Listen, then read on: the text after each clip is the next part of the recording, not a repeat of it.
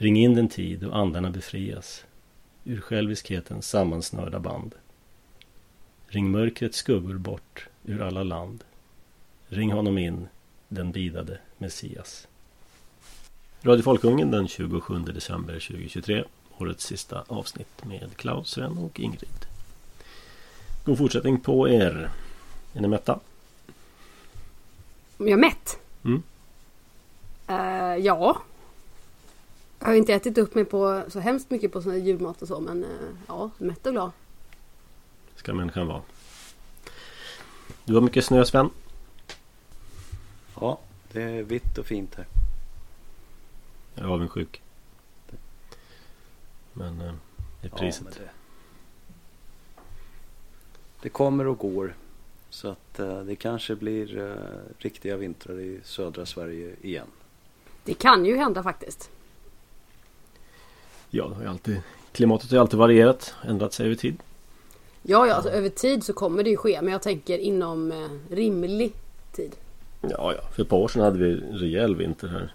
Jag var ute och skidade på havsisarna och det var snö. Och, så att det, ja, just det. Vintern för tre år sedan då hade vi också så jag åkte långfärdsskridskor här på havet i Göteborg. Mm.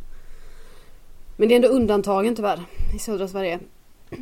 Jag försökte skida ut till eh, grundstötningsplatsen för U137 som ligger några kilometer härifrån. Men eh, det var en öppen ränna emellan som hindrade mig de sista hundra metrarna. Är det en av de här konstaterade ubåtarna någon gång på slutet av 80-talet eller? Det här är den enda konstaterade ubåten. Ja. Det är som, den enda? Den som gick på grund. Ja. Ja, nej, det där är en intressant historia. Som vi kan fördjupa oss i en annan gång. Ja. Så, såg en intressant dokumentär för ett tag sedan. Som vänder upp och ner på hela den här historien. Den kanske du borde länka inne på forumet. Ja, jag ska göra det. Mm. Faktiskt. Mm, på tal om forum. Vi har ju en intressant tråd där. Där eh, människor berättar om sin ska vi säga, uppvaknande snedstreck radikaliseringsprocess. Jag brukar kalla det radikalisering för att det, det är alltid det tar udden av det på ett sätt. Ja. Mysradikalisering. Mm. Nej, så jag tänkte att idag så ska vi berätta lite grann om vår väg till radikalisering. Ehm, men vi hade lite, lite grejer här innan. Som jag tänkte vi ska avhandla lite snabbt. Hennes Majestät, säger man så? Silvia? Mm, drottning Silvia. Drottning Silvia säger man. Det är hans majestät och drottningen, är det så det Eh, Eders majestäter är det så det är hennes majestät också. Okej, okay, det är hennes majestät mm. också. Bra. Jo, hon fyllde 80 här om dagen. Precis. Och eh, tänkte vi ska väl åtminstone nämna saken. Du är vår eh, kungahusexpert. Ja, det har blivit så. Har du någonting att eh, säga i ärendet? Jag såg den här eh, dokumentären eller vad de kallar det som de har gjort på SVT. Eh, och det som slår mig varje gång är vilket fynd just drottning Silvia är. Med tanke på hur det har gått i andra länder.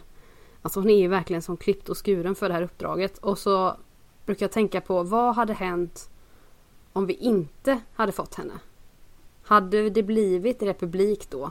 Och så hade vi typ haft Laila Freivalds eller någon som bli president. Någon sån här gammal avdankad liksom som egentligen skulle blivit landshövding eller ambassadör eller någonting.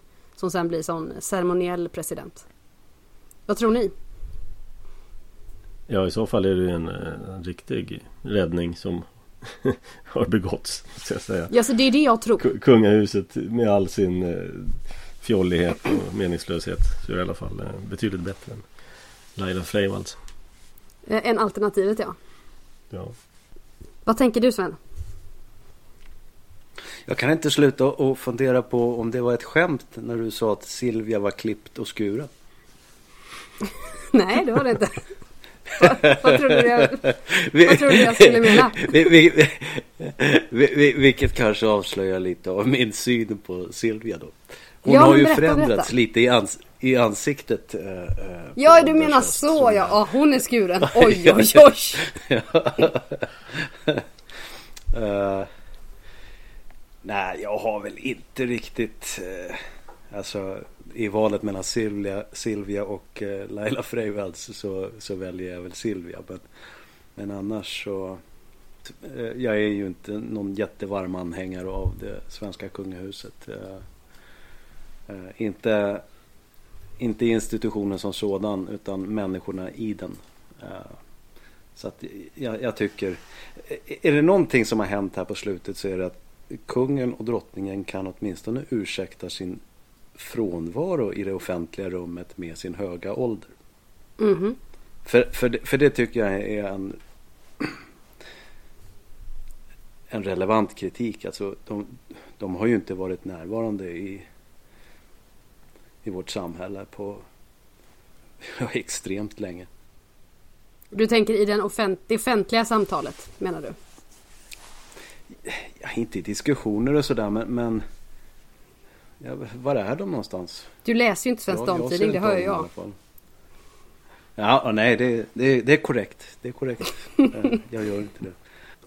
Nej men det, det, finns ju ändå evenemang som och sammanhang där man tycker att de kanske skulle ploppa upp eh, lite oftare då. Vad vet jag. Det kan vara allt ifrån triviala saker som idrottssammanhang eh, till, till kanske lite mera högtidliga saker då. Men, uh... Jag skulle vilja, det har vi pratat om förut, jag skulle vilja att de gjorde rent hus med patrasket som styr men det är en önskedröm.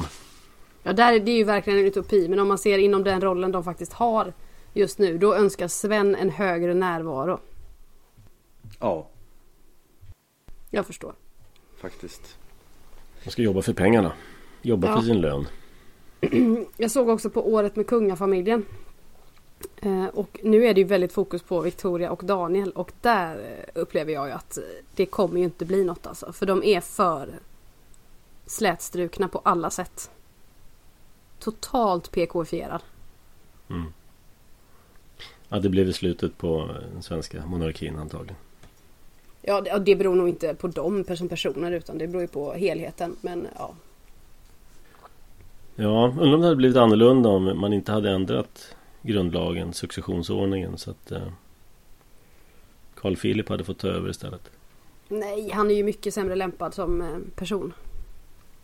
Är det så? Ja, jag kan inte de här personerna. Ja, ja, han är jättetillbakadragen och vill ju helst bara plöja en åker och meka med bilar och så. Ja, men det är väl hedervärt. Ja, jag säger inte att det är dåligt, men det är dåligt som representativ, eh, liksom, en ceremoniell person så funkar det ju inte riktigt. Ja, det är väl systern som är eh, eh, lite bättre lämpad. Eh, Madeleine? Ja, ja visst. Och hennes man då som jag inte kommer ihåg namnet på. Chris eh, O'Neill? Han är väl amerikan va? Ja, han är, han är faktiskt britt. Eh, du, hans mamma är från Sudetenland. Så hon är Oj. tysk. Mm -hmm. Och hans pappa är italienare. Riktig mångkultur alltså. Ja, ja verkligen. och så är han uppväxt i Storbritannien och på USA. Fick ni lära er okay. det också? Spännande kunskaper. Men du tror att hon hade varit något? Alltså Madeleine? Vi får ju facit vad det lider. Kungen är som sagt eh, Mm. Nej, facit på, på Victorias insats. Mm. Jo, jag skulle säga jag hade en gammal historiebok, en gammal skolhistoriebok där det stod om kung Adolf Fredrik. Det stod att han var mest intresserad av att dreja och svarva. Ja, snusdosor gillade han att svarva. Mm, inte att regera, det var inte hans grej. Dreja och svarva var hans grej. Och vem var hans son? Ja, det var väl är ju Gustav den tredje. Ja. Och varifrån fick han sitt eh, sinnelag ifrån? Jo, från hans mamma. Mm. Ja, det är tur att vi har dig som håller ordning på kungarna och drottningarna här. Ja, en dag har jag också fel. ja, jag tänkte um, lite statistik Sven. Du tittade på vi, tittade, vi såg diagram häromdagen om eh, de fallande födelsetalen i Sverige. Vi kunde inte hitta källan på det där. Det såg inte något vidare ut. Men vi kunde inte riktigt hitta källan ännu. Men du hittade någonting annat? Uh, ja. uh, det är ju känt att barnafödandet har fallit kraftigt i Sverige. Det har varit flera statistiknyheter under hösten om det. Och eh, du hade ju då ett diagram som, eh, där det var födslar per kvartal. Då, som jag tänkte det där hittar jag säkert källan till. Det gjorde jag inte. Men jag hittade en annan intressant sak. Eh, och det handlar om det som heter summerad fruktsamhet. Och eh, om detta mått då så skriver eh, SCB så här. Summerad fruktsamhet är ett demografiskt mått där antalet födda barn ställs i relation till antalet kvinnor i barnafödande åldrar. Och det betyder ju då att eh, åldersstrukturen på befolkningen spelar inte någon roll. Eh, du kan jämföra till exempel två olika kommuner som har olika åldersstruktur. Det här måttet summerad fruktsamhet är någonting man kan jämföra då. Och eh, om, om utvecklingen då så skriver så kan man läsa så här på SCB. Det är ett citat det här från, från Vitor Miranda. Som jag antar arbetar på SCB. Då. De lägsta fruktsamhetstalen för årets nio första månader har tidigare varit år 99 med 1,56 barn per kvinna. Eh, och nu är det då alltså nere på 1,5. Men eh, det jag tog och laddade ner ifrån statistikdatabasen hos SCB det är hur det här fördelar sig över Sveriges kommuner. Och då blir man ju förvånad. Då. Den kommun som har lägst fruktsamhet, eh, summerad fruktsamhet, det är Lund. Och det är väl inte så förvånande för att där finns det massor med unga kvinnor i barnafödande ålder som studerar och bor temporärt i Lund. Uppsala kommer in på tredje plats då till exempel. På andra plats, jo, och jag ska säga det, Lund har alltså en summerad fruktsamhet på 1,12. Eh, på andra plats Älvdalen 1,17. Oh, vet du vem som är därifrån? Nej. Som vi, det är Carl Philip, prins Carl Philips eh, fru Sofia. Hon är från Älvdalen. Aha, okej. Okay. Mm. Ja, men, men det är ju en katastrof helt enkelt. Därför mm. att vad, vad det säger är att kvinnorna i barnafödande ålder, vilket, nu vet inte jag vilket tidsintervall då, åldersintervall som SCB använder där. Det spelar ingen roll. De skaffar nu inte barn. Eh, då ska man visserligen då vara tydlig med att det, det, är just nu. Vill man se det här över tid då måste man ju ha tidsserier på det här och så vidare. Eh, Stockholms stad då som har snart en miljon invånare. De ligger på 1,37. Och det är alltså plats nummer 11 på den här listan då. Uh, Göteborg 1,39. Uh, eh, så att och, vad ska man jämföra 1,37 med? Jo, man kan jämföra det med, kan ta ja, Sollefteå kommun då i mitt eget eh, hemlän. Ligger i Västernorrlands län i Ångermanland. 1,43. Så att uh, unga, eller ja, kvinnor i Sollefteå de är bättre på att skaffa barn just nu än kvinnor i Stockholm. Mm. Och det är inte så konstigt kanske heller. Men jag anar vart det här barkar. Ja, för det är ju nu som det obehagliga kommer då när man scrollar ner i den här listan. Och helt enkelt tar sig till, till botten. Eh, det vill säga de kommuner där kvinnor är just nu bäst på att skaffa barn. Och då ska jag börja med ett positivt exempel. Som jag, vet, jag råkar veta eftersom jag har roat mig med sån här statistik tidigare. Eh, Gagnef. Eh, det ligger också i Dalarna precis som eh, Älvdalen. 2,34. Och de eh, eh vad kan det bli? Plats eh, tionde från botten då. Alltså den tionde bästa. Och jag vet också att Gagnef, om man tittar på de barn som föds där så är det en mycket hög andel som har svensk bakgrund. Mhm. Så Gagnef är ett litet motstånds, demografiskt motståndsnäste. Det är inte den där... eh, Det finns ju någon sån här ekoby där omkring. Eh, det vet jag faktiskt inte. Men kolla det. Jag kan ingenting om Gagnef egentligen annat än det jag pratar om nu och det faktum att det geografiskt ligger i Dalarna. Jag vet lite om Gagnef. Där det är deras eh, kommunvapen är Det ligger precis där Dalälven delar sig. Så det är som ett Y. Deras kommunvapen. Ah, okay. Och eh, det är också där man köper tv-antenner och köksfönster. Eh, min morfar hade ett sommarställe. Min morfar och mormor hade ett ställe utanför. Vad hette det där nu då? 17 hette det där. Ja, i alla fall. Och en dag så skulle han byta tv-antenn.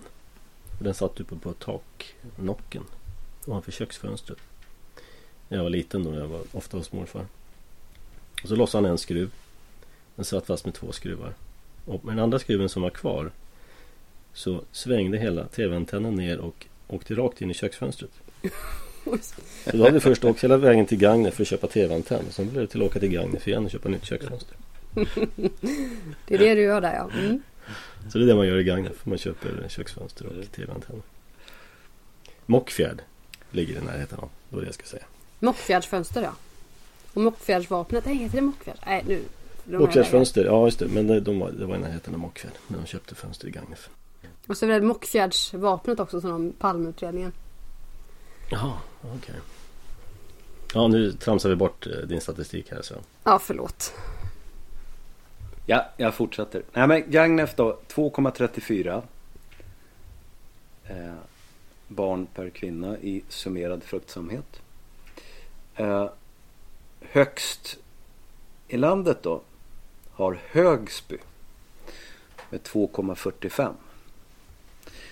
Och Högsby ligger i Småland. Och jag känner till Högsby av invandringsstatistiska skäl. Eh, som sagt 2,45 barn per kvinna. Och jag brukar ta upp Högsby i lag med Lessebo. Lessebo ligger också i Småland.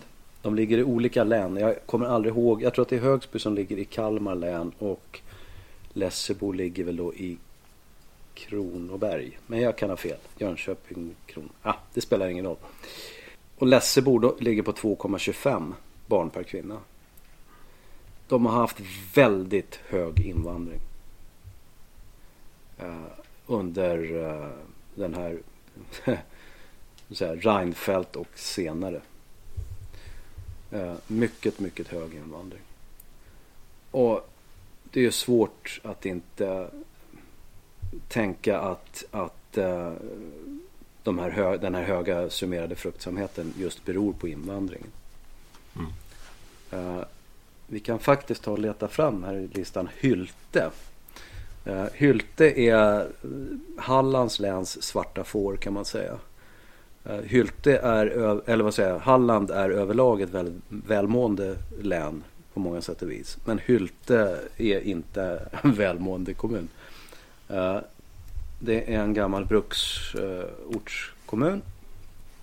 Och de har haft väldigt hög invandring. Alltså extre- de har extremt hög andel eh, invandrarbarn i skolan. Och de ligger då här nu ser jag på 2,19 i summerad fruktsamhet.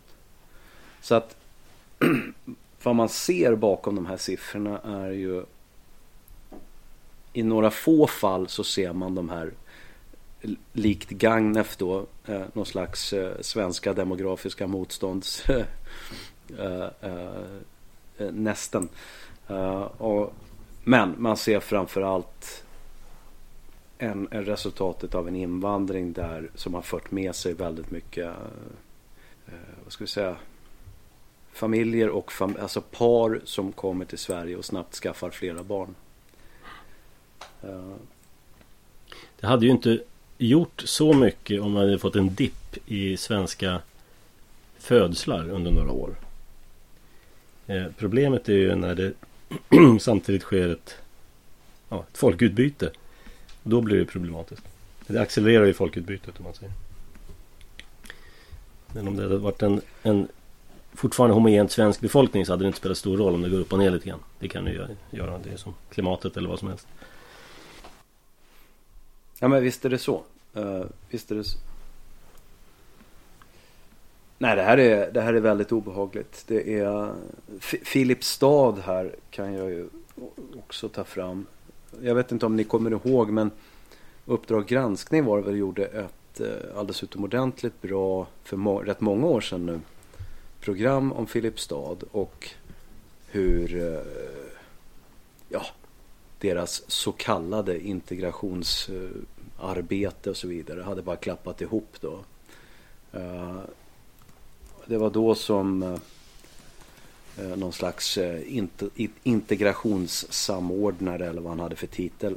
Han satt framför kameran och sa rakt ut att det pågick ett befolkningsutbyte i Sverige. Mm. Vilket var eh, Just då gick det att säga det. Tyvärr så har det ju slagit tillbaka nu så att nu kan man inte riktigt prata i de termerna längre. Men eh, Filipstad 2,36 i summerad fruktsamhet. Och Filipstad alltså var på eh, den ekonomiska ruinens brant. Va? Så mm. det är inte någon slags det, det, är inte ett barnafödande här som, som drivs av, av eh, eh, en positiv syn på framtiden och så vidare hos svenska kvinnor. Utan det, det är något helt annat vi betraktar i, i, i Filipstad. Mm. Ja, hade vi haft en stat med eh, självbevarelsedrift så hade ju det här slagit eh, larmklockor och eh, åtgärder och eh, analyser och under, ja, diverse olika undersökningar och så. Men eh, det här är en stat som vill gå under i godhet. Mm. Så är det. Nej, det här hänger ihop med liksom, ja, allt det här. Klimatångest och eh, skattesystem och allmänt förakt för föräldraskap och barnafödande. Eh, alla de här och könsdysfori och alla de här eh, undergångsfrågorna. Rädda människor är lätta att styra. Ja, men framförallt tror jag helt enkelt det att folk inte värdesätter eh, familjebildning. Jag tror man kan vänta hur länge som helst. Det är viktigare med karriär och sådana saker. Attityd. Tyvärr. Mm. Mm. Ja, vi lämnar detta något tråkiga ämne. Hoppas på en bättring nästa år bland svenska barnaföderskor och svenska barnafödare höll jag på att säga. Men, eh, eh, jag tänkte vi skulle prata lite grann om det som jag nämnde här tidigare om eh, radikalisering. Och då släpper vi damerna först. Ingrid, hur blir du sådär radikal? Är jag det? Eh, ja, det är jag nog. Eh, jag har alltid varit mot vals tror jag. Eh, och eh, jag har varit inne på det här flera gånger, att jag har betraktat världen så annorlunda har jag förstått. Mot eh, vad mina andra människor har gjort. Alltså både mina jämlika när jag var barn och eh, de andra äldre. Eh, men sen har jag samtidigt varit ganska receptiv på det sättet att jag har förstått att det jag säger inte är så populärt. Så att jag har Jag har inte sagt så mycket alltid men det har väl märkts i mina handlingar och, och så. Men under hela min unga som säga, ungdomstid och unga vuxna tid så tror jag att jag eh, ändå försökte inlämna mig i det normala samhället eller mainstream-samhället. Ehm, men sen så var det flera saker som det är saker som betydde mycket för mig som eh, jag lätt kunde verifiera själv. Som jag också förstod att det de säger, när jag menar de så är det liksom mainstream-råden eh, eller mainstream-sättet att se på saker inte stämmer. Och en av de första, det här låter väldigt eh, banalt men det är det inte för någon som har lidit av eksem mycket som jag har gjort. Eh, det är något som brukar växa bort. Det gjorde det inte på mig, till exempel böjväcksexem fast man har det inte bara i böjväck, man kan få det i ansiktet och Och sådär kliar och är svider och det ser förskräckligt ut. Och det generella rådet då som man får från vården är att smörja in med petrokemiska krämer för det ska vara inte allergiframkallande. Eh, och det är alltså då motsvarande vaselin. Det är ju bara ett varumärke men eh, sån petroleumgelé som är basen i de flesta sådana krämer. Och så ska man ta kortisonkrämer då som är en eh, eh, medicinsk kräm som dämpar immunreaktionen. Eh, och det var i princip det man får som råd. Eh, så började jag när jag var kanske 20 eh, kolla själv vad kan, jag, vad kan jag göra för att det inte ska vara så här. Och så började jag läsa på både om hudvård och kost och så. Och då förstod jag ju hur, eh, hur dåliga de här krämerna är på lång sikt. De är bara lindrande på väldigt kort sikt. Och så bytte jag ut till naturliga krämer, typ rapsolja funkar bättre än de flesta sådana här krämer som skrivs ut. Och då förstod jag alltså, man har inget att komma med. Eh, och vad är mekanismerna bakom började jag fundera. Eh, och det har jag ju eh, blivit varse flera gånger just att läkemedelsindustrin Dels är de ju, alltså det är ett komplext system Men de är ju köpta av att, eller drivna av att hela tiden sälja mer av sina egna produkter. De vill ju inte sälja botemedlet. Så det var en sån sak. Ja, men som du, att... du, du genomskådade eh, medicinindustrin lite grann då kan man säga. Ja, jo, men det, det gjorde jag verkligen. Ehm, och sen nästa sak som hände, ung, eh, ung som inte är lika ung längre, eh, började lägga på mig vikt. Inte mycket eller någonting, men eh, mer. Och då började jag läsa på om det och jag har ju alltid varit relativt intresserad av hälsa på det sättet. Så att jag, jag, kände ju till då ungefär hur man bör äta enligt tallriksmodellen. Men så började jag läsa på om det som då kallades LCHF, alltså lågkolhydratskost. Eh, det här var jättekontroversiellt på den tiden. Mm. Men eh, jag förstod mekanismerna bakom och just insulinfrisättning och hur det påverkar hunger. För alltså det där är ju belagt och du kan läsa om det var som helst. Men ändå ger man inte de här råden. Eh, om att minska på kolhydrater och det är ett känt knep sen 150 år. William Banting hette han som har gett eh, ut eh, det begreppet bantning. Och han var den som började föreskriva populärt då lågkolhydratskost i England på slutet av 1800-talet. Eh, och det funkade ju. Och dessutom när jag slutade äta massa spannmål som också är en sån liksom allmänt sedd hälsosam så fick jag mindre eksem, mindre pollenallergi och allt möjligt. Och det var också sådär att här blir man motarbetad i någonting som faktiskt fungerar. Och hur bidrog det här? Du gjorde upptäckter inom hälsa och hur bidrog det här till att göra dig eh, anti etablissemang? Ja men det är ju etablissemanget som säger de här sakerna. Eh, så jag förstod ju att de här observationerna som jag länge hade haft i, i, liksom inuti mig. Att det här som de säger, det stämmer inte. Och så började jag försöka hitta mina egna sanningar då på något sätt. Inom många saker. Sen ungefär i samma veva så var det också finanskris. Och det där fick jag verkligen inte ihop alltså. Hur... Eh, nej, jag fick bara inte ihop, framförallt inte räntepolitiken och 2% målet. Jag förstod verkligen inte. Och läste på mer och mer om detta. Och så några år senare, det är ganska många år senare, då eh, hittade jag Misesinstitutet. Eh, och det var väl på den vägen jag blev mer intresserad av det. Eller jag har alltid varit intresserad av det politiska. Jag har alltid varit eh, relativt konservativ, eh, så högersinnad, för frihet. Alltså det, det är ju det som är i en sån här person som jag är också. Att eh, om man går emot mycket av det som alla andra tycker så behöver man ju frihet. Om ni förstår vad jag menar. Mm. Så det är ju en läggning jag har bara som människa. Eh, ja men då var det också sådär, jaha, så det här säger eh, banksystemet ska fungera så här, så här ska räntepolitiken fungera. Men det funkar ju inte så. Det kommer ju kollapser hela tiden. Och så började vi läsa om eh, sådär, tulpankraschen på, i Holland och, och sådana grejer. På 1600-talet var det väl. Jag menar, jag förstår att återigen det här är gamla, gammal kunskap man har och ändå så, så fortsätter vi att tro på det här och det måste gagna någonting annat. Och då undergrävdes ditt förtroende för allt som kom från det etablerade samhället. Ja, ännu mer. Alltså det, det har alltid funnits där, mitt, eh, mm. min misstänksamhet. Eh, och så sen nu i, i de senaste åren så har det ju mer, eh, alltså också jag gick på universitetet slutet på 00-talet, början på 10-talet.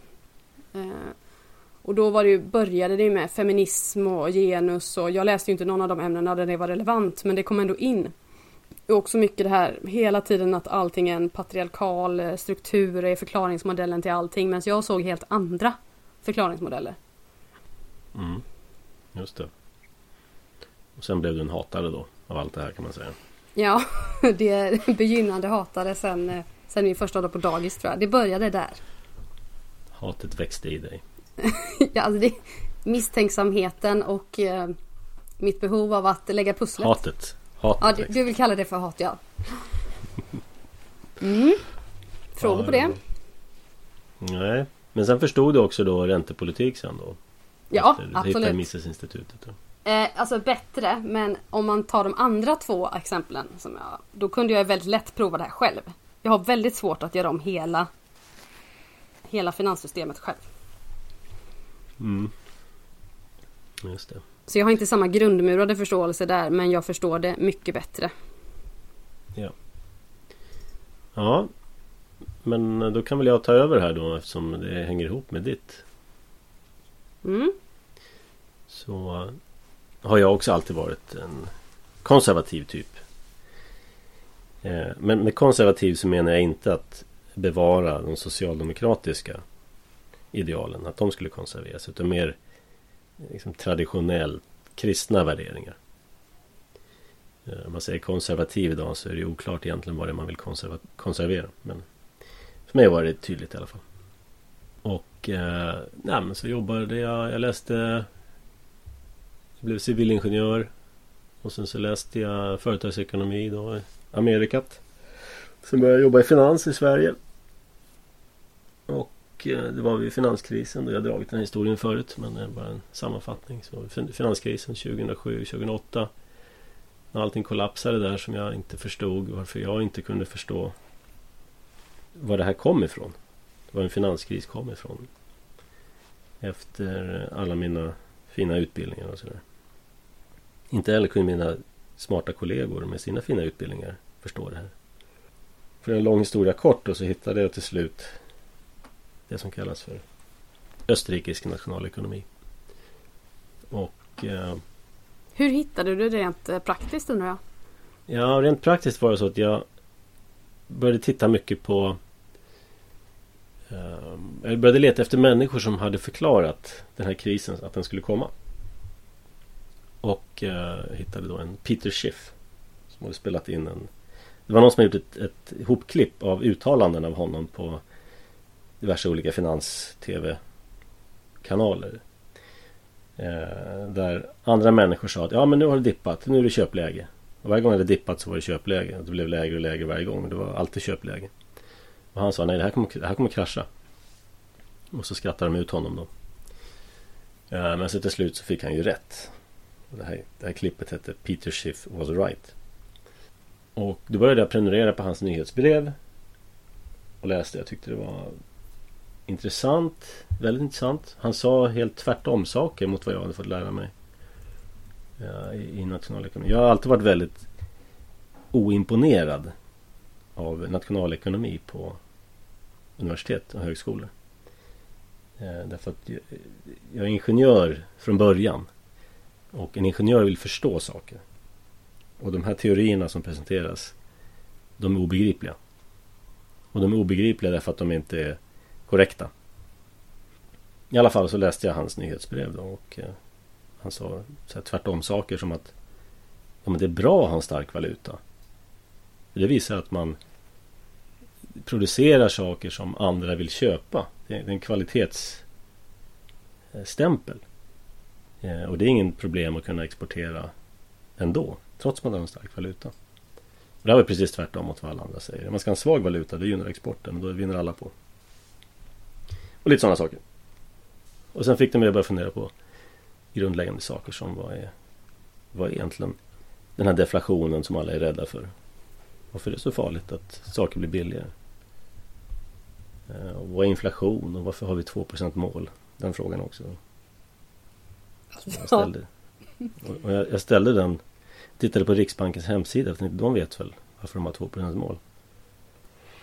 Och då var det då det här svaret att det var tillräckligt lågt för att ingen ska bry sig och tillräckligt högt för att undvika mätfel. Och jag fattade ingenting. Vad, liksom, vad är det de säger? Jag mejlade och, och fick inget svar. Men då, så försvann den där konstiga formuleringen från hemsidan i alla fall. Gjorde den det? Ja. Oj. Eh, så vet jag inte om den kanske dykt upp igen. Men eh, jag fick inget svar i alla fall. Jag har köpt massa böcker, bland annat en från eh, Riksbanken då som beskriver räntor. Det är bara tabeller upp och ner, sida upp, sida ner. Eh, som beskriver räntor och växelkurser under, ja, sen vikingatiden. Och det finns en sån här helt fantastisk eh, eh slutsats i den här boken. Därför här har vi då inflation som pendlar från minus 10 procent till 20 procent eh, under olika år. Och så är det någon då som har räknat ut ett medelvärde. Ja men det är 2,0 procent. Och, eh, jo, och därmed så är det rimligt att ha ett 2 procentigt inflationsmål. helt... Ja. Det är bara hokus pokus. I alla fall. Då förstod jag, vad, jag lärde mig var finanskriser kommer ifrån. Det kommer från statlig inblandning i ekonomin. Och mest av allt genom centralbanken. Och eh, slutsatsen blir då att centralbanken bör avskaffas. Den behövs inte. Den ställer bara till skada.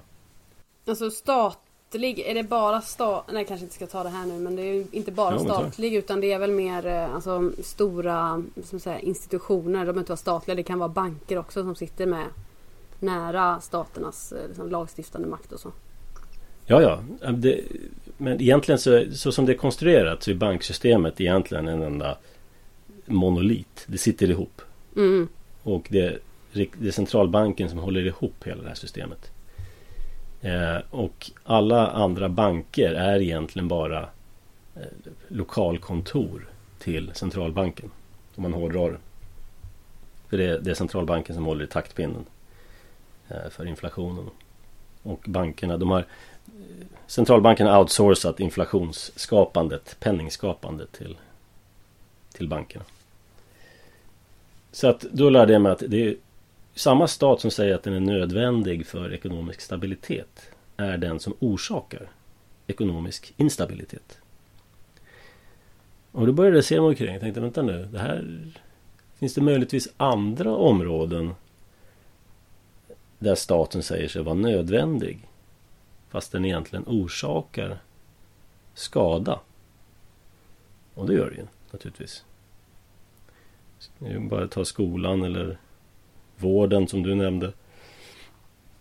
Eller rättssystemet kanske. Eller invandringen eller ja, valfritt annat område. Och då blev jag anti staten. Jag blev anarkist. Och det var lite omvälvande faktiskt. Eh, att inse. Mm. Sen har jag pendlat tillbaks lite grann och tycker att ja men vi behöver ändå hålla ihop på något sätt.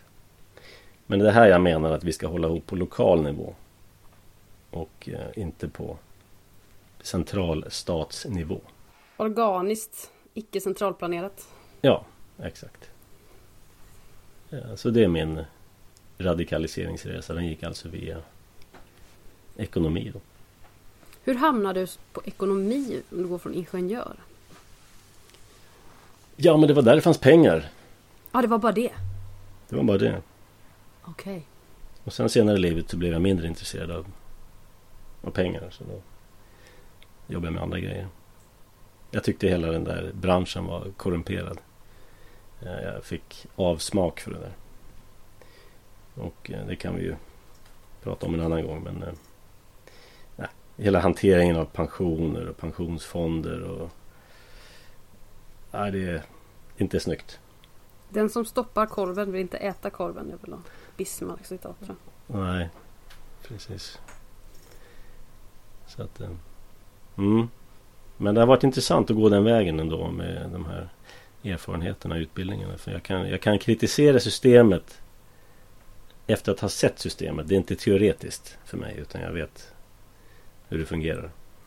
Ja men alltså att ha varit i saker inifrån och se hur det funkar det är ju det absolut bästa. Ja, För att förstå det. som har jobbat för Skatteverket. Precis. Också stoppat korv. Oh ja. Mm. Sven då? Så blev du en sån hatare? Ja, jag kommer ju från en helt annan bakgrund. Jag kan inte påstå att jag alltid har varit höger. Tvärtom. Så växte jag upp i en miljö som präglades av eh, socialdemokratiska människor och ännu längre vänsterut. Men det finns några milstolpar liksom som har fått mig att bli väldigt annorlunda. Det första var när jag som ung tillsammans med min hustru behövde barnomsorg på helgerna. För vi arbetade båda två eh, helgskift i industri. Då upptäckte jag att det här att man betalar skatt och ska få kommunal, kommunala tjänster tillbaka. Det funkar inte riktigt så.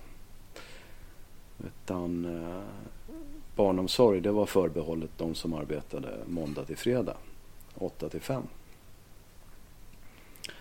Så där fick den här eh, sossetanken ett första hugg så att säga i mitt liv. Vänta, du hade tänkt att den skulle vara tillgänglig även om den inte jobbade eller? Nej, vi behövde ju barnomsorg på helgen men det fick vi ju betala för själva då. Var Aha, detta okej, okej. i Stockholms stad? Det var Stockholms stad och efter mycket, mycket, mycket eller mycket, mycket men det här, det här var ju före e-mail och så vidare så att jag fick ju sitta och skriva brev eh, till kommunen och liksom driva min sak och till slut så fick vi någon typ av subventionering av den barnvakt vi anlitade då. Jag bråkat, vi bråkade till oss då lite återbäring på skattepengarna. Men eh, ja. Men, men det, det var ju en första väldigt konkret upplevelse av att det här väl, välfärdssamhället i offentlig sektors regi eh, det är inte riktigt så där rättvist och fint som, som, som man vill göra gällande. Då. Det nästa kom 2005 någon gång, första hälften. Och det vet jag därför att min mor gick bort i cancer hösten 2004. Sen inträffade tsunamin då på annandag jul tror jag det var. Mm. Eh, och hade ihjäl en försvarlig mängd svenskar då. Och eh, politiskt så reagerar man på det här. Vilket så här i efterhand är ju helt bisarrt. Den här katastrofen då, naturkatastrofen, den använder man för att avskaffa arvsskatten. Va? Här visste inte jag. och, då, och arvsskatten kan vi väl naturligtvis vara utan. Va? Men när man har arvsskatt använder en specifik händelse för att fatta beslut om att arvsskatten ska avskaffas. Och sen sätter ett datum retroaktivt. För att det här kokade ju naturligtvis ihop ner till då att dödsboet efter min mor då som dog i oktober skulle betala arvsskatt medans eh, tsunamioffrens tsunami-offrens dödsbon eh, från annandag jul samma år skulle inte betala arvsskatt. Det handlade i, i mitt fall inte om mycket pengar så det var inte det men jag, jag tyckte att det här var Alltså vilka jävla grispolitiker alltså. Och, och, och, och, och hålla på med dylikt va. Alltså arvsskatten, ska man avskaffa den så måste man naturligtvis sätta ett datum långt in i framtiden. Alltså relativt långt in i framtiden så att Ja, eller hitta på någon annan lösning. Man kan inte bli helt groteskt om man gör det retroaktivt. Då, då står folk där och menar får liksom en stor jävla lottvinst i, i famnen och de andra uh, nej men ni ska betala. Så att uh, det, det är en sån där sak som definitivt har politikerförakt födde det hos mig. Och sen den tredje grejen, och det är den som har gjort den stora skillnaden egentligen. Det är att runt 2009-2010 sådär så, så jag kunde inte förstå. Eh, då hade min styvson eh, ställt sig i bostadskö. Och jag såg eh, förväntad kötid, alltså längd. Hur, hur länge behöver man stå här egentligen? Och, och, och hur, hur, många människor står i den här kön? Och eh, hur snabbt har den här kön vuxit till sig? Och det var ju helt fruktansvärda siffror på det här. Det såg ju helt galet ut. Jag tänkte, fan är det möjligt? Det föds ju inga barn att prata om. Och det var då jag... Det var då processen började som sedermera, ja, efter något år av, av studier kan man säga, fick mig att förstå hur, hur, hur, hur, hur fasansfullt stor invandringen till Sverige var då. Och sen är det ju väldigt mycket, alltså man kan ju säga massor om invandringen då, men, men det som sen har lett mig vidare bli en skarp kritiker då av en sån här offentlig sektor välfärdsmodell. Det är ju det som egentligen startade med den, den, den, den upplevelsen av att hur kan vi ha en riksdag med 349 ledamöter som sitter och fattar sådana här galna beslut? Som att konkurrera ut våra unga på bostadsmarknaden till exempel. Genom att släppa in bokstavligen horder med människor utifrån. Sen har jag blivit ännu mer radikal eh, efter det då i just min syn på, på det offentliga. Så att jag kallar mig väl för ofrivillig libertarian. Men, men, men det, för, för, mig är det inte en ideologisk fråga. Det, det, det är viktigt. Det, det, är inte så att jag har hållit fast vid någonting jag kände i liksom pojkrummet en gång i tiden. Att det här har jag, nu har jag minsann läst på om alla ideologier och det, den här passade mig bäst. Liksom. Utan jag vill ha väldigt låga skatter därför att jag vill frånta politiker makt och anledningen till att jag vill göra det är det utfall av deras beslut och handlingar som jag kan observera i samhället. Så det är liksom inte en ideologisk fråga utan det är empiri. Resultatet, vis, resultatet visar att de är inkompetenta eller onda. Och du vill frånta dem möjligheten genom att ta Precis. pengar ifrån dem. Precis. Och jag, jag, är inte sån att jag tror att det är något speciellt svenskt tillstånd utan alla samhällen där man försöker sig på den socialdemokratiska välfärdsmodellen med ett skattetryck på nästan 50 procent och, och jätteomfattande regleringar eh, och ingripande regler och lagar och så vidare i våra liv. Det kommer ge det här resultatet alldeles oavsett i vilket land du eh, eh implementerar det det ruttnar med tiden. Det kan finnas en tillväxtperiod då när människor får det väldigt mycket bättre och det kan ju bero på externa omständigheter då. Precis som vi hade i Sverige på 50, 60 och delar av 70-talet. Eh, men efter några generationer så kommer ett sånt här system att ruttna. Och vi, är i, vi lever nu i, vill jag påstå, förruttnelsens tid. Alla de, här, alla de här institutionerna de håller på packar ihop nu. Så att, mm. uh, ja. Det är min, min, min resa till den jag är idag. Jag uppskattar verkligen din eh, praktiska och eh, verklighetsförankrade förhållningssätt till det här. Och det påminner lite om som sagt de här exemplen jag tog då.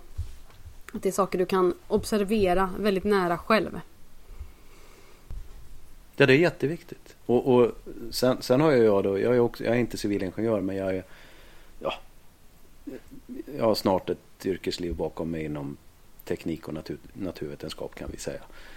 Och, och, det präglar ju naturligtvis också uh, hur, hur, hur, jag ser på världen och livet. Så, så, som Thomas Sowell till exempel, hans uh, bok som jag inte har läst, The Conflict of Visions. Men men där, där han delar in mänskligheten i stort sett i, i två grupper. Där de ena är, är, är då obegränsade i sin visionära syn på världen medan de andra är eh, pragmatiker och, och, och, säger att livet är bara en stor samling med kompromisser. Liksom. Uh, och det, där, det, det, där är liksom en väldigt bra beskrivning av hur, hur, hur jag har kommit att bli.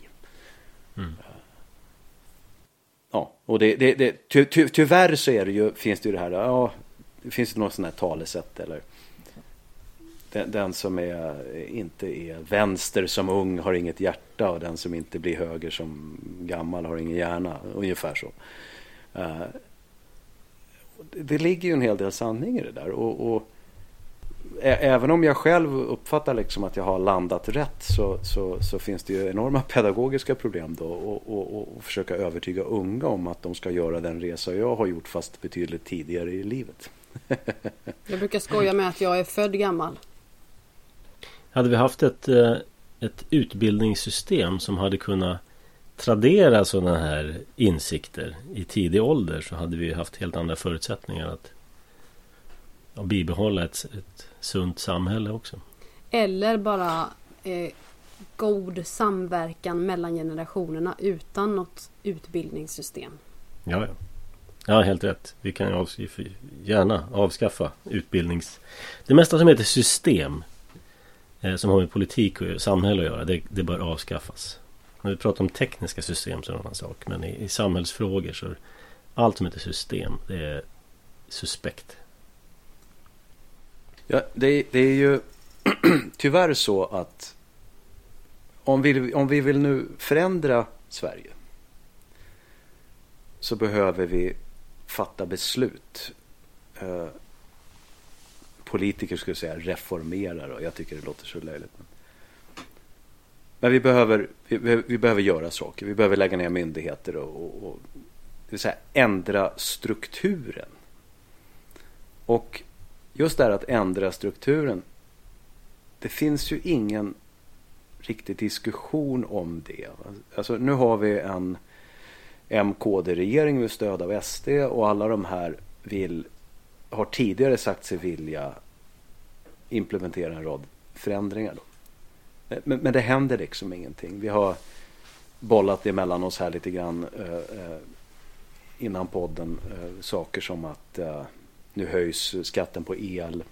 Eh, man har idéer om att flytta människor över landet för att de ska jobba någon annanstans och så, så, så vidare. Och vi ska ta in 100 000 invandrare varje år enligt EUs invandringspakt. Ja, och, och, det är sånt där man håller på med istället för att ge sig på saker som... Eh, ta mediestödet då. Det har, det har, man gjort om nu så att det kommer bli annorlunda men det finns ju kvar. Eh, partistödet sänker man aldrig. Eh, antingen så ligger det kvar bara och räknas med inflationen eller så höjer man det. Och man kan alltså plocka ut, jag håller på att fila på en text om det här nu. Man kan plocka ut några få viktiga frågor där man skulle kunna göra enorm skillnad i Sverige genom att ge sig på just dem. Eh, Oj, den här texten ser jag verkligen fram emot. Uh, ja, men och, och, och, och, det är också sådana, och där tar jag upp mediestödet och partistödet bland annat. Uh, och just i de frågorna då så råkar vi också vara extrema i en om man, om man gör en utblick i världen. Det finns alltså, man, man kommer inte i närheten av eh, storleken på det svenska partistödet eller mediestödet i, i, i något annat land tror jag i hela världen. Så att, så att det går att göra saker men, men vi har ju ingen, vi har ingen diskussion om det. Så att eh, det positiva är att det går att förändra saker och ting till det bättre. Det negativa är att det är rackarns svårt att få till stånd en diskussion om det. Ja, men det är därför att de som har mandat att besluta, de drar ju själva nytta av de här. Så att ja, man, man väl tar sig dit för att reformera. Så kommer man på att vänta, det här var ju ganska bekvämt nu när vi sitter på den här sidan mm -hmm. staketet.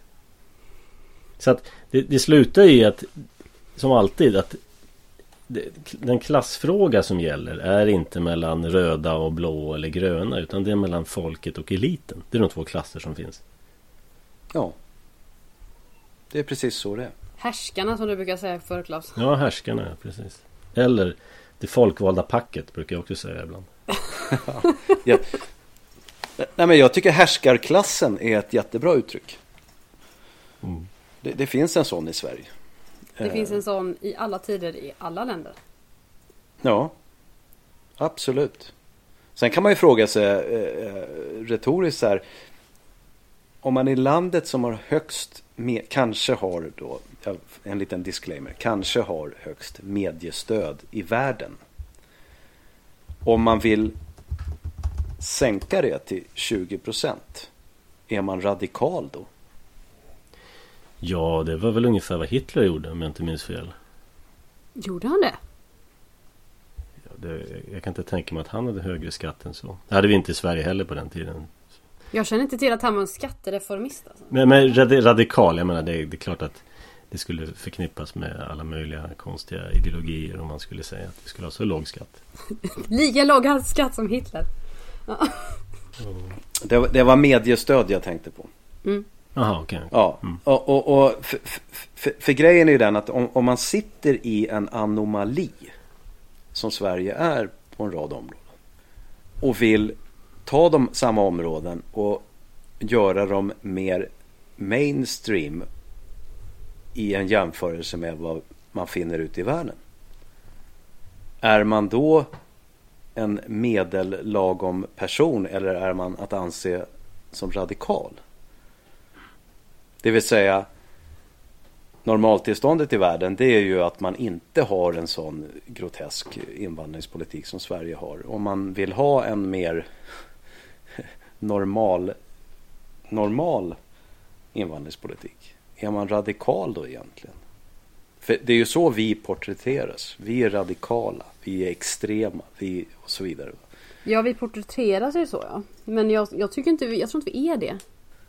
Nej, det är ju bara inom den ankdamm som Sverige är. Inom den ankdamm som det offentliga debatten är skulle jag säga. Inte inom ja, befolkningen i stort. Precis. Ja, ja precis. Precis. Korrekt. Bra, men då tycker jag att vi har kommit till en ganska bra avslutningspunkt här. Vi har alla fått radikalisera ut oss lite. Vi kan väl också påminna om att man kan bli medlem i forumet och läsa hela tråden. Eh, det som skrivs på forumet, vi delade ju våra egna radikaliseringsresor. Men det finns många jättespännande där som vi ju naturligtvis inte delar utanför forumet utan får man bli medlem. Just precis. Det bör man bli. Eh, och nu närmar vi oss årets slut och det här är då givetvis årets sista Folkungapodd. Den tredje säsongen avslutas härmed. Jag tänker på den här dikten som brukar läsas på Skansen varje år. Nyårsklockan. Har ni lyssnat på den? Ring ut det gamla, ring in det nya. Jag hör Jan Malmsjö precis. och Margareta Krok. Ja precis, jag är inne på Wikipedia-sidan här där de, där de säger vem som har läst den varje år. och så finns det ett stycke Förändringar i den svenska uppläsningen. Nej! Och jag brukar alltid lyssna på den sista versen. Det står så här nämligen i texten här. Varken den fjärde strofen som efterlyser mera rena lagar eller den sista strofen i dikten som handlar om den väntade Messias brukar numera läsas i nyårsceremonin. Jan Malmsjö har sagt sig anse att den femte strofens poetiska programförklaring är inaktuell där diktens gatularm rings ut till förmån för i sångarhjärtan skapar glöden och brukar ersätta raderna med omskrivningar Ring ut det meningslösa gatuvåldets larm. Ja, och så vidare. Eh, men eh, jag brukar alltid lyssna på vilka som gör Vilka som läser hela. Och jag tror att Lena Olin år 2022 läste faktiskt hela. Så poäng till henne där. Men eh, Därmed tänkte jag faktiskt läsa upp den här nyårsklockan. Skriven av Alfred Tennyson. 1889. Om herrskapet tillåter. Jag ser fram emot det och kommer spela upp den varje år. Ja. Precis som Klaus julevangelium. Du får bara fortsätta så är vi snart ett SVT här. Eller Sveriges ja, Radio. Precis. Det blir så här poesi podd eller någonting. Ja, jag har ju en hel önskelista på saker du ska läsa in som du vet. Så att... Ja, just det, just det. Precis. Jag ska ta det också. Då blir det nyårsklockan här. I folkungatappning. Ring, klocka, ring. I bistra nyårsnatten. Mot rymdens norrskenssky och markens snö. Det gamla året lägger sig att dö. Ring själaringning över land och vatten. Ring in det nya och ring ut det gamla. I årets första skälvande minut. Ring lögnens makt från världens gränser ut och ring in sanningens till oss som famla. Ring våra tankar ut ur sorgens häkten och ring hugsvalelse till sargad barm.